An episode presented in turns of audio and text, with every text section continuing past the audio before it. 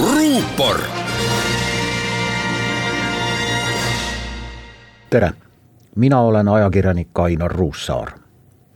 poole aasta pärast võib väljas olla samasugune trööstitu ja kõle ilm nagu täna. aga südames on mõnedel soe ja mõnedel kõle. Neil soe, kelle valikul pääsesid kohalikku elu korraldama nende eelistatud poliitikud. kõle neil, kelle valik jäi enamusele alla kõle ka neil, kes üldse valimas ei käinud ja kelle jaoks unistuste omavalitsus pole üldse oluline.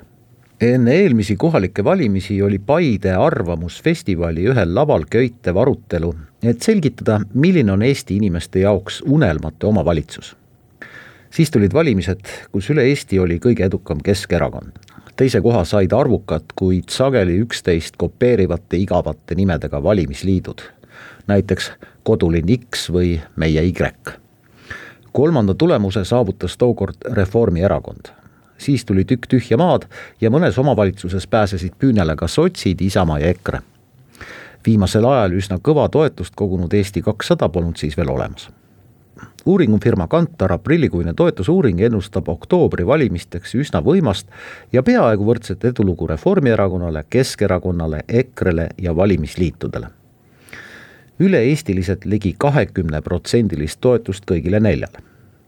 eks me siis poole aasta pärast näeme, kes oma valimiste turunduskampaanias nutikam või lihtsalt raha poolest rikkam oli. või kes viimase nelja aasta jooksul oma juhitavas omavalitsuses valijate enamuse arvates edu saavutas. unistuste omavalitsusele tuleks aga meil kõigil juba praegu mõelda. milline see võiks olla? aus, läbipaistev ja korruptsioonivaba kindlasti selline, kus raha pole mitte kahtlaselt puhas, vaid päriselt puhas. unelmate omavalitsust võiks olla selle elanike jaoks just nii palju kui vaja ja siis, kui vaja. et leida üles aktiivsed ja nutikad inimesed ning panna nad tegutsema.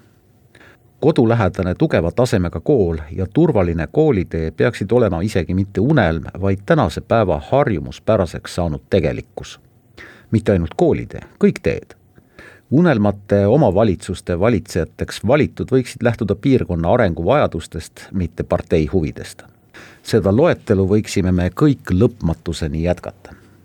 aga tähele tuleb panna, et meid ei uinutataks teemade, lubaduste või nimedega, millel või kellel on omavalitsusega vähe pistmist, kui üldse on. mõõdutunde tunnetamine on üks kohalike valimiste lakmuspaber kahelge väga tõsiselt, kui keegi lubab ehitada omavalitsuses X võimule pääsedes kolmekümnele tuhandele pealtvaatajale mõeldud jalgpalliväljaku. mõelge loodusseadustele.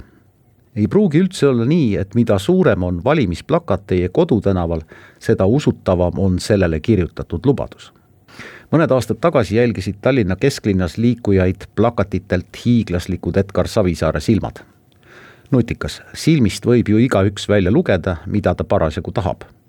pärast ei ole ka õiendamist, et silmad rääkisid hoopis millestki muust. ja muidugi tuleb endalt küsida, kuidas on unistuste omavalitsuse arenguga seotud lubadused Euroopa Liidust lahkuda või piirata võõramaalaste sisserännet. Need on riigi küsimused ja neid lubadusi tuleb kaaluda enne Riigikogu valimisi. mitte nüüd, poole aasta pärast oktoobris. ruupor